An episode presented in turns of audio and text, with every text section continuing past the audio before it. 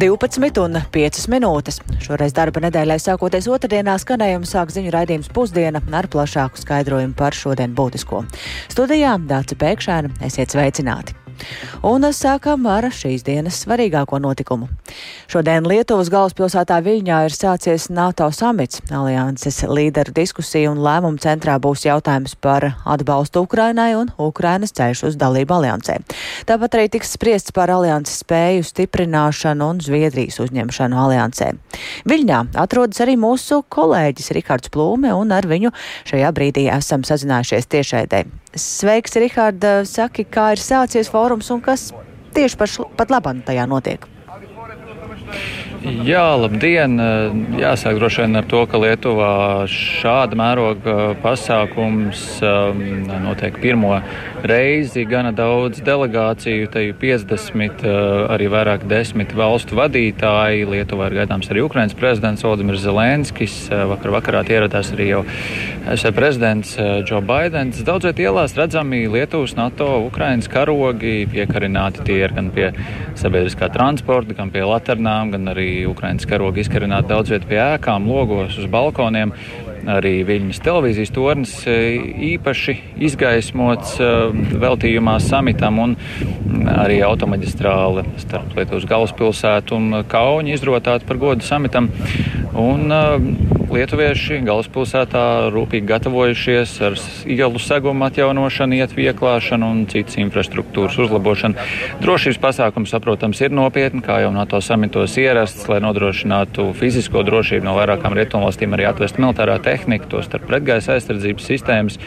Ļoti daudzās vietās policija, viņā spēki ir, spēkā ir dažādi satiksmes ierobežojumi, un lielākā daļa vecpilsētas ir pieejama tikai kājām gājējiem un uh, uz noteiktu laiku arī komerciāliem lidojumiem slēgt ir viņas lidosta. Lai gan mediju ir ļoti daudz, es personīgi drošības kontroli mediju centrā izgāju ļoti raiti, pagaidām ar šo aizķeršanos nav, un tas pieņem ir saistāms ar to, ka mediju samita norises vietā eh, nogādā grupās ar eh, autobusiem un liela pūļa reizē. Šeit nav. Katrā gadījumā šobrīd arī gan silts un eh, saulains. Dace. Nu, no tevis sacītā es saprotu, ka pilsētā ir jūtams tas, ka samits notiek, bet kādi lēmumi tiek sagaidīti no šīs samita? Jā, nu, kā jau minēji, uzmanības centrā ir Ukraina. Tā ir uzstādījusi ambiciozus mērķus, bet tas ir loģiski, jo tā cenšas no saviem sabiedrotajiem panākt maksimumu, ko tā var. Un ir daudzkārt izskanējis, ka Ukrainai šajā samitā nepietiks ar atkārtotām Bukarestas samita frāzēm par to, ka NATO durvis vienkārši ir vaļā. Ukraina vēlas skaidru valodu par to, kad un kā tā varēs pievienoties aliansei. Un Zelenskis ir teicis, ka sagaida skaidru signālu no alianses par to, kad Ukraina tiks uzņemta. Pilnīgi skaidrs ir tas, ka Ukrainas pievienošanās aliansē nenotiks tagad un tūlīt. Uh, rietumu līderi saka, ka tas var notikt pēc kara beigām, ko saprot arī pati Ukraina. Katrā ziņā NATO dalībvalstu vidū daļa uzskata, ka ir jākoncentrējas uz atbalstu Ukrainai un par pārējo jārunā vēlāk. Daļa atkal uzskata, ka Ukrainai jau tagad ir jāsniedz skaidrs laika nogrieznis, kā un kad tai iestāties aliansē. Attiecībā uz lēmumiem oficiāli par tiem vēl ziņu nav, jo dalībvalstu līderi un citas amatpersonas šorīt tikai sāk ierasties samita norises vietā, ierodas joprojām un sniedz īsus paziņojumus, bet nojausma par to, kas attiecībā uz Ukrainu varētu tikt paziņots, jau ir. Tāpēc paklausīsimies, ko pirms brīža teica NATO ģenerālsekretārs Jens Stoltenbergs žurnālistiem. At the summit, we also make uh, important decisions, sending a clear message to Ukraine that we stand by Ukraine for as long as it takes. Samitā mēs pieņemsim būtiskus lēmumus attiecībā uz Ukrainu, sūtot skaidru ziņu Ukrainai, ka būsim ar to kopā tik ilgi, cik nepieciešams, un sabiedrotie arī apstiprinās apņemšanos nodrošināt Ukrainai militāro atbalstu, lai palīdzētu Ukrainai atbrīvot savu zemi. Attiecībā uz dalību sagaida, ka sabiedrotie nodos skaidru un pozitīvu ziņu par ceļu uz Ukrainas dalību aliansē. Esmu piedāvājis trīs elementu paketi ar praktisku atbalstu un daudzgadu programmu, lai nodrošinātu savietojamību starp Ukrainas un NATO spēkiem, kas virzīs Ukrainu tuvāk NATO. Lai stiprinātu politiskās saites, rīt būs NATO-Ukrainas padomas inaugurālā sanāksme kopā ar prezidentu Zelenski. Un arī atteikšanās no dalības rīcības plāna, kas pievienošanos aliansei Ukrainai pārvērtīs no divu soļu procesa par vienu soļu procesu.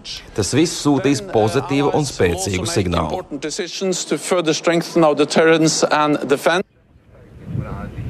Baltais nams tikmēr ir ziņojis, ka NATO Ukrainai piedāvās reformu ceļu, lai tā varētu pievienoties aliansē, taču konkrēts laika grafiks noteikts netiks. Baltais nams arī norādījis uz jau manis pieminēto Ukrainas uzņemšanu aliansē tagad, proti, ka tā nav iespējama, jo tas iesaistītu NATO karā ar Krieviju. Pret Ukrainas vēlmi kļūt par alianses dalībvalsti katrā ziņā esot vērojama pozitīva attieksme, un jautājums ir, kāds ir šis ceļš uz dalību, par ko tad līderi arī spriedīs. Ukraina no savas puses divpusēji samita laikā strādās arī pieroči ieroču nodrošināšanas gan pretgaisa, gan arī uh, frontē uh, nepieciešamo. Dace?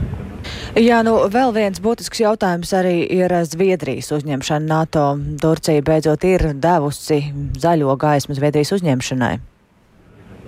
Jā, es teiktu, ka Zviedrija, pateicoties vakardienas Turcijas prezidenta paziņojumam, kļuva gandrīz vai par lielāko samita intrigu, un vēl vakar šķiet, ka līdz eh, samitam un samitā Turcija šo zaļo gaismu nedos.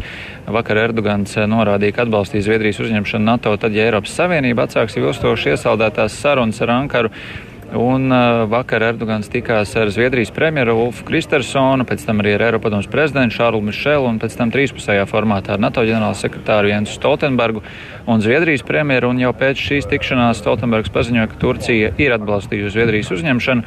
Vai un cik šī pēdējā tikšanās patiesi bija pagrieziena punkts, grūti teikt. Pieņem, ka Erdogans šo lēmumu bija pieņēmis jau labu laiku, gan pirms tikšanās. Vēl gan jāpiebilst, ka iestāšanās protokolu būs jāratificē arī Ungārijai, un kā šorīt ir izteicies izteicies Ungārijas ārlietu ministrs Pēters Jārto, tad ratifikācijas procesa pabeigšana tagad ir tikai tehnisks jautājums. Ungārijas parlaments piekdien noslēdz vasaras sesiju, taču tuvākajās dienās tas varētu sasaukt jaunu sēdi. Tā kā tagad būtībā tehnisks dabas jautājumi gan Turcijai, gan Ungārijai par to, kad šie protokoli tiks ratificēti. Dace. Paldies Rihardam Plūmēm par ziņām no Viļņas, un kā jau Rihards arī minēja, tad Ukrainas pievienošanās aliansē nenotiks tagad, un tūlīt tu, to apzinās arī pati Ukraina, un ka šobrīd, kamēr notiek karš, tā Viļņā notiekošajā NATO samitā nepiedāvās uh, iestāšanos aliansē, arī mums šorīt Latvijas radio radījumā labrīt sacīja Latvijas transatlantiskās organizācijas ģenerālsekretāre Sigita Strūberga, bet uh, viens no būtiskākajiem iespējamiem ieguvējumiem Baltijas valstīm no NATO samita Viļņā varētu būt tieši austrumu flanga un kopējās drošības stiprināšana. Turpinot par citiem notikumiem, pirms aptuveni stundas ir sākusies Latvijas Olimpiskās komitejas ārkārtas ģenerālā asambleja, kurā ārkārtas vēlēšanās ir jāievēl jaunais loka prezidents. Un Šobrīd uz šobrīd vakanto tomēr ļoti ietekmīgo amatu kandidē trīs pretendenti. Plašāk par norisēm Olimpiskās komitejas ģenerālajā asamblējā ir gatavs stāstīt Māris Bergs, ar kuru šajā brīdī esam sazinājušies tiešaidē. Sveiks, Māri, un eh, saki, cik tālu tad šajā brīdī jau jautājums par Latvijas Olimpiskās komitejas ģenerālajā asamblēju ir pavirzījies, un kad tad mēs varētu uzzināt um, jaunā komitejas prezidenta vārdu? Sveika, Dārcis! Sveicināti klausītājiem! Šobrīd Latvijas Olimpiskās komitejas ģenerālajā asamblējā aizritējusi tiešām stunda un sakārtotas visas formalitātes, proti pieņemta darba kārtība, iecelta protokolisti, balsu skaitītāji un arī apstiprināts, ka visi prezidenta amata kandidāti atrodas sesijā un viņu pieteikumi šim amatam paliek spēkā. Kā zināms, uz loka prezidenta amatu kandidē trīs pretendenti, proti pašreizējais Latvijas volejbola federācijas prezidents Jānis Buks, Latvijas airēšanas federācijas prezidente Gunta Vlasenko Lukašenko un Latvijas modernās piecīņas goda prezidents Andris Feldmanis. Katram no loka prezidenta amata pretendentiem šodien tika dotas desmit minūtes savai uzrunai sanākušajiem loka biedriem. Jānis Buks sev atvēlēto laiku izmantoja emocionālai uzrunai. Andris Feldmanis pirmoreiz publiski demonstrēja savu plānu un prioritātes, uzsverot finansējumu un duālās karjeras jautājumus. Gunta Vlasenko sev atvēlēto laiku izmantoja, lai emocionālā, bet īsā uzrunā atgādinātu par savām prioritātēm proti masveidību bērnu un jauniešu sportā, kā arī par to, ka sportists ir visu funkcionāru darbību centrā. Ja šodien tiks ievēlēts jaunais loka prezidents, šim cilvēkam būs aptuveni gads līdz nākamajai ģenerālajai asamblējai, kas notiks jau nākamā gada vasarā. Pieredzējušais sporta žurnālists Ingvārs Jurisons gan atzīst, ka sporta nozarei šobrīd pašai jāatrod spēcīgs kandidāts šim amatam no sava vidus, domājot jau par nākamā gada ģenerālo asamblēju, kad prezidents tiks vēlēts uz pilnu četru gadu termiņu, nevis kā tas ir šobrīd, kad prezidents tiek ievēlēts tikai uz gadu. Klausāmies sporta žurnālistu Ingmāru Jurisonu. Pilnīgi dabiski tā tas ir šobrīd izveidojies. Tas nav nekas traģisks, nekas, nekas nepareizs. Tas VIPI, tas ir normāli. Mēs esam redzam daudzās, daudzās dzīves sfērās, ka tas notiek un strādā uz laiku. Tas, kas ir visbēdīgākais visā šajā situācijā, ir tas, ka es īsti neredzu pa šo laiku, ka būtu uzdevušies tādi tiešām reāli uh, izskatāmi, cienījami kandidāti, kas varētu, uz kurus varētu uzlūkot kā, teiksim, kā, kā iespējams strādājošs ilgtermiņā. Tas man vairāk uztrauc nekā tas, ka mēs šobrīd runājam par īstermiņa kandidātiem. Ja vismaz pie apgājuma būtu kāds parādījies. Uh, bet tādu nav. No esošajiem trījiem es īsti tiešām arī neredzu, kurš būtu tas. Tālūk, sporta žurnālists Ingmārs Jurisons, eh, šobrīd būtībā priekšā ir vēlēšana galvenie notikumi, un prognozēt notikumu attīstību šobrīd eh, Loka ģenerālajā asamblējā ir itin sarežģīti. Jau iepriekš izskanējis, ka abiem galvenajiem prezidenta amata kandidātiem Jānim Bukam un Andrim Velmanim ir visai eh, līdzvērtīgs atbalsts. Turklāt vēlēšana procedūra notiks ar aizklātu balsojumu. Šobrīd turpinās debates, kur iespēja izteikt savu viedokli ir sanākušajiem Loka ģenerālās asamblējas dalībniekiem.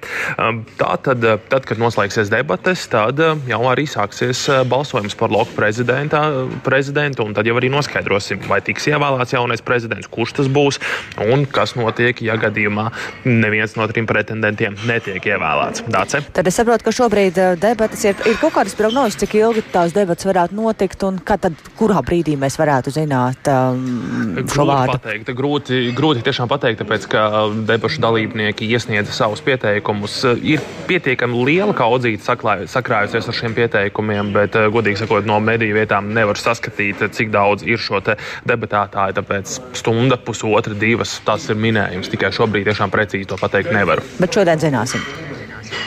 Domāju, ka jā, nu noteikti šodien zināsim, vai nu būs prezidents eh, vai jaunais prezidents, tad arī netiks ievēlēts. Tur tikai viena no divām opcijām. Paldies Mārim Bergam. Mēs eh, runājām par to, ka Latvijas Olimpiskās komitejas ārkārtas ģenerālajā asamblējā vēlē jauno prezidentu. Bet eh, skolu beidzējiem noteikti aktuāli ir tas, ka no šodienas elektroniski ir pieejami certifikāti par vidējo izglītību. Un šis ir pirmais gads, kad centralizēto eksāmenu rezultātu certifikātus izsniegs tikai digitālā formā. Par šo kārtību un to, vai ir kādas aizķeršanās, un vai tomēr ir iespēja tikt arī pie certifikāta papīra formā. To plašāk ir gatava stāstīt kolēģi Agnija Lazdeņa, kura šobrīd pievienosies man studijā un ir vairāk iedziļinājusies šajā tematā. Sveika, Agnija! Jā, saki, tā tad es saprotu, ka certifikāti šajā brīdī ir jau pieejami, ja? Labdien! Jā, certifikāti par vispārējās izglītības centralizētajiem eksāmeniem ir pieejami jau no šodienas pulkstens deviņiem, un tie ir pieejami izglītības iestādēm valsts pārbaudījuma informācijas sistēmā. Savukārt skolēniem eksāmena rezultātus ir iespējams apskatīt portālā Latvija LV sadaļā Mani dati izglītības reģistros. Un šobrīd valsts izglītības un satura centrs nesot novērojis nekādas problēmas, kas būtu saistītas ar eksāmena rezultātu un certifikātu publicēšanu, jo tas ir veikts pakāpeniski līdz ar to šobrīd visiem certifikātiem ir jābūt pieejamiem, un arī skolas nesot ziņojušas par uh, jebkāda veida problēmām. Taču kas notiek ar papīra formātu, proti vai to ir iespējams šogad iegūt? Un stājoties augstskolā Latvijā, eksāmena papīra certifikāts uh, nebūs nepieciešams, un lai iestātos augstākās izglītības iestādē, ir jāinteresējas, protams, par tās uzņemšanas kārtību, taču tiesa, ka vairākas iestādes izmanto elektroniskās pieteikšanās sistēmas, piemēram, portālā Latvija LV ir publicēta informācija par pieteikšanos studijām šī gada mācību, šī mācību gadam 11 augstākās izglītības iestādēs, kas izmanto vienoto pieteikšanās platformu, kā piemēram Latvijas Universitāte, Rīgas Tehniskā Universitāte, Ventspils augstskola un citas. Un tāpat elektronisku pieteikšanos nodrošina arī Rīgas Stradiņa Universitāte. Bet pa, paklausīsimies, kā tad papīra formātu skaidro valsts izglītības un satura centra komunikācijas nodaļas vadītāja Liena Bērziņa. Ja runājam par certifikātu papīra formātā, tad te ļoti būtiski uzsvērt, ka certifikāts ir elektroniskais dokuments, proti viņam juridiskais spēks ir tikai elektroniskā formātā. Attiecīgi papīra formātā viņam šī juridiskā spēka nav un patiesībā viņš nav nepieciešams. Ir tikai viens izņēmuma gadījums, kurā tas varētu būt vajadzīgs, un tas ir tajā gadījumā, ja skolēns plāno iestāties kādā ārvalstu augstskolā un viņam ir nepieciešams, piemēram, notariāli tulkots dokuments dokumenti, tad šajā gadījumā mēs aicinām vērsties pie valsts izglītības pasaules centra, un šajā gadījumā mēs varam izsniegt arī certifikātu ar apliecinājumu papīra formātā. Tātad eh, skolēniem, kas studēs tepat Latvijā, nav vajadzīgs certifikāts papīra formātā, taču skolēns, kas vēlas studēt ārzemēs un kuram attiecīgi ir vajadzīgs arī certifikāts papīra formātā, tad viņam ir jāraksta iesniegums valsts izglītības un satura centram, kur arī ir jāapliecina un jāsniedz informācija, ka patiesi viņš stāsies kādā no ārvalstu augstskolām. Un tad līdz ko centrs no savas puses certifikātu sagatavos, to arī varēs skolēns saņemt. Par to būs jāmaksā? Nē, atgādināšu, ka iepriekš valsts izglītības un satura centrs ziņoja, ka saņemot šo certifikātu būs jāsamaksā 10 eiro, lai to iegūtu. Taču tagad Liena Bērziņa norādīja, ka pašlaik ir bijuši aptuveni 30 līdz 40 skolēni, kas ir vērsušies valsts izglītības un satura centrā, lūdzot izziņu par iespēju iegūt šo certifikātu papīra formātā, jo vēlas studēt ārzemēs, un tas nesot liels pieprasījums, tāpēc šis pakalpojums šogad ir bez maksas uzsvars uz šogad, jo nākotnē tas gan kļūs atkal par mākslas pakalpojumu. Bet eh, jāpiebilst, ka ja gadījumā kādam ir kaut kādas, teiksim, bažas, vai, piemēram, ir skolēns, kas šogad neplāno stāties nevienā augstskolā un to darīs kādā nākamajā gadā vai vēl tālākā nākotnē, tad uztraukumam nav pamata, un to mierīgi dari, varēs darīt, jo rezultāti no sistēmas nepazudīs. Bet tā drošības pēc šobrīd izņemt papīra formā nevar um, tos certifikātus. Nu, ja nu gadījumā es plānoju nākamgad stāties. Nē, par to nav jāuztraucas. Visi dati ir sistēmā. Mm. Paldies Agnijai Lazdiņai par šo skaidrojumu. Un tas tā tad par tiem, kas skolu ir beiguši, bet runājot par tiem, kam vēl skolas gaitas priekšā un kuri mācās, ir neskaidrība par latgaliešu valodas apguves iespējām. Divus mācību gadus Latgales skolām bija iespēja saņemt papildu finansējumu no Latvijas valsts mežiem, lai fakultatīvi apgūtu latgaliešu rakstu valodu. Šobrīd šī nauda vairs nav pieejama. Vienlaikus Izglītības un zinātnes ministrija akcentē, ka ir iespēja latgaliešu rakstu valodas apguvē izmantot interešu izglītībai paredzēto naudu. Savukārt pašvaldībā norāda, ka skolu interese par šī finansējuma piesaist šādam mērķim ir zema. Nesot nepieciešams izstrādāt sistēmu, ieviešot obligātuma principu latgaliešu rakstu valodai un vairāk par to Lauras Ieviņas ierakstā. Mm klasēta, bet te būs tagad tukšs. Reizeknes novada Nautrainu vidusskolas latviešu valodas un literatūras skolotāja Veronika Dundure izrāda savu mācību klasi. Viņa ir arī Latviešu valodas, literatūras un kultūras vēstures skolotāju asociācijas vadītāja. Lai skolās varētu mācīt latgaliešu rakstu valodu, asociācija ir izstrādājusi attiecīgās mācību programmas, to saturā iekļaujot arī tēmas par latgales novadu. Izstrādotas arī darba lapus, arī izdotā metodisko rūkas grāmatu skolotāja. Divus iepriekšējos mācību gadus latgaliešu rakstu valodu latgales skolās bija iespēja apgūt ar Latvijas valsts mežu atbalstu, kā arī izglītības un zinātnes ministrijas projekta ietvaros. Iepriekšējā mācību gadā šo iespēju izmantoja 17 skolas, un kopumā tie bija 233 skolēni. Pirmo reizi Latvijas brīvā valsts laikā varā skolā vīcēties latgalīšu rakstu valodu. Šobrīd Latvijas valsts meža finansējums vairs nav pieejams. Arī ministrijas projekts ir noslēdzies. Pēc diviem mēnešiem jaunas mocību gads soksīs, i nav mums vispār eh, saprotams, vai latgalīšu valoda latgalīšu skolos fakultatīvi tiks nodrošināta. Par latgaliešu valodas apguves iespējām skolās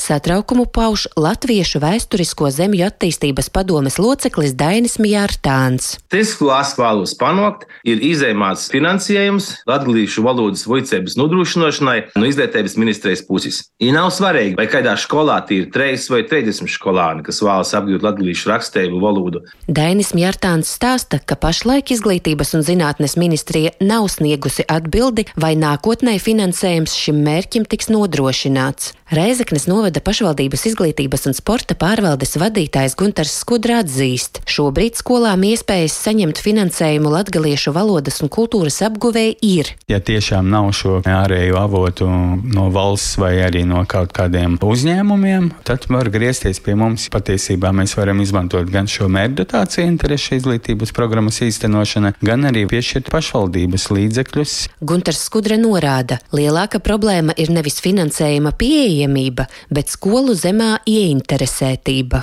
Tur varētu būt dažādi iemesli. Iespējams, ka mācību plāns ir tik noslogots, ka vairs nevar atrast vietu arī šādām iniciatīvām. Tas varbūt ir cilvēka resurss skolotājs, kurš varētu strādāt pie šī.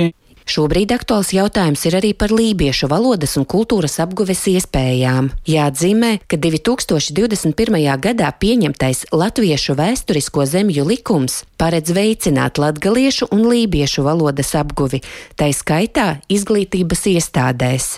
Laurija Ieviņa, Latvijas Rādio studija Latgalē. Un vēl izsolē pārdota bijusī Bulduru bibliotēkas ēku, kuras saglabāšanu bibliotēkas vajadzībām vēl pirms neilga laika pieketos pieprasīja vietējie iedzīvotāji. Ēka izsolīta par cenu, kas nedaudz pārsniedz nosaukto izsoles sākuma cenu. Kā šo teritoriju turpmāk tad izmantos, to gan jaunais īpašnieks pat laban atsakās komentēt, bet vairāk ir gatavs stāstīt kolēģis Jānis Kīncis, kurš pievienojies tiešraidē. Sveiks, Jāni! Sveika, Dārts! Sveicināti klausītāji! Par ēku Bulduros eh, Edinburgas prospektā pēdējā gada laikā runāts pietiekami daudz, un eh, pērn augustā jūrmalnieki grāmatu krātuves saglabāšanai vāca parakstus un rīkoja piketu pie pilsētas. Pie, pilsētas pašvaldības ēkas.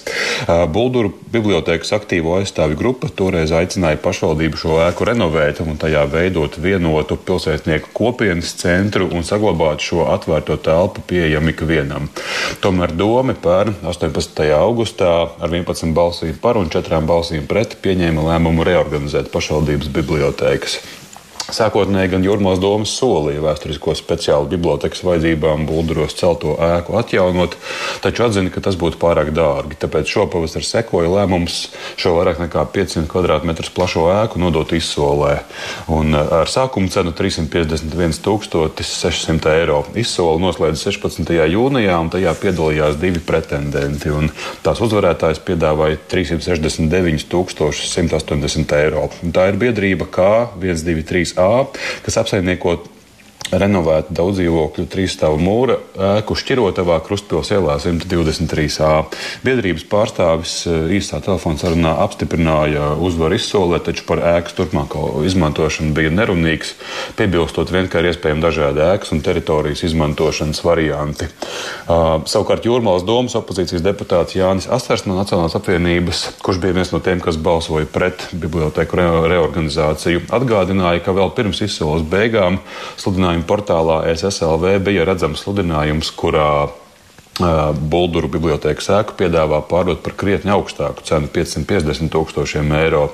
Jūrmālas pašvaldība toreiz saistībā ar sludinājumu noli, noraidīja, uzsverot, ka ēku tobrīd neviens vēl nevarēja pārdot. Taču opozīcijas deputāts vērtēja, ka ar izsoles noslēgšanos kaislības ap šīs ēkas izmantošanu vēl nerimsies. Paklausīsimies viņa teikto noteikti turpināsim pievērst. Mums ir vairāk bijušie bibliotekas lasītāji, kas nu, agrāk gājas būtu biblioteka, bet uz jauno bibliotekas teātrā ēkās viņi nu, vienkārši atsakās kategoriski iet. Viņi daži varbūt ir bijuši, bet nu, atzīst, ka šīs ēkas ir pilnīgi nepiemērotas bibliotekām, nu, ka šis ir izcinājums ir bijis izveidots tikai tādēļ, ka, nu, domas vadība negaidīja, ka būs no sabiedrības šāds spiediens, sašutums cilvēki tur, teiksim, tā rokas puls, noteikti skatīsies, vēros, kas tur notiek. Nu, mēs arī, kā domas deputāti, noteikti sekosim šim te visam līdzi.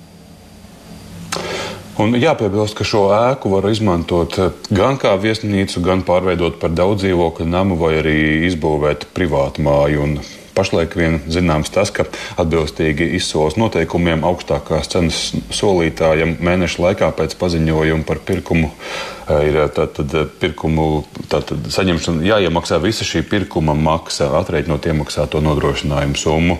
Um, ēkas turpmākajam liktenim pie, uzmanību soli pievērst arī aktīvie jūrmalnieki, kuri līdz pēdējiem brīdim cerēja uz ēkas atjaunošanu un saglabāšanu bibliotēkas vajadzībām.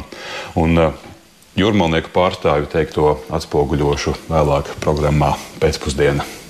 Dace. Paldies Jānim Kincim. Tātad gaidīsim tavu stāstu raidījumā pēcpusdiena un ko tev izdosies noskaidrot, bet šajā brīdī izskan raidījums pusdiena. Producenta Ilza Aginta ierakstus montēja Kaspars Groskops par labskaņu rūpējās Toms Šupeiko un arī jums sarunājās Dāce Pēkšēna. Vēl īsi par būtiskāko.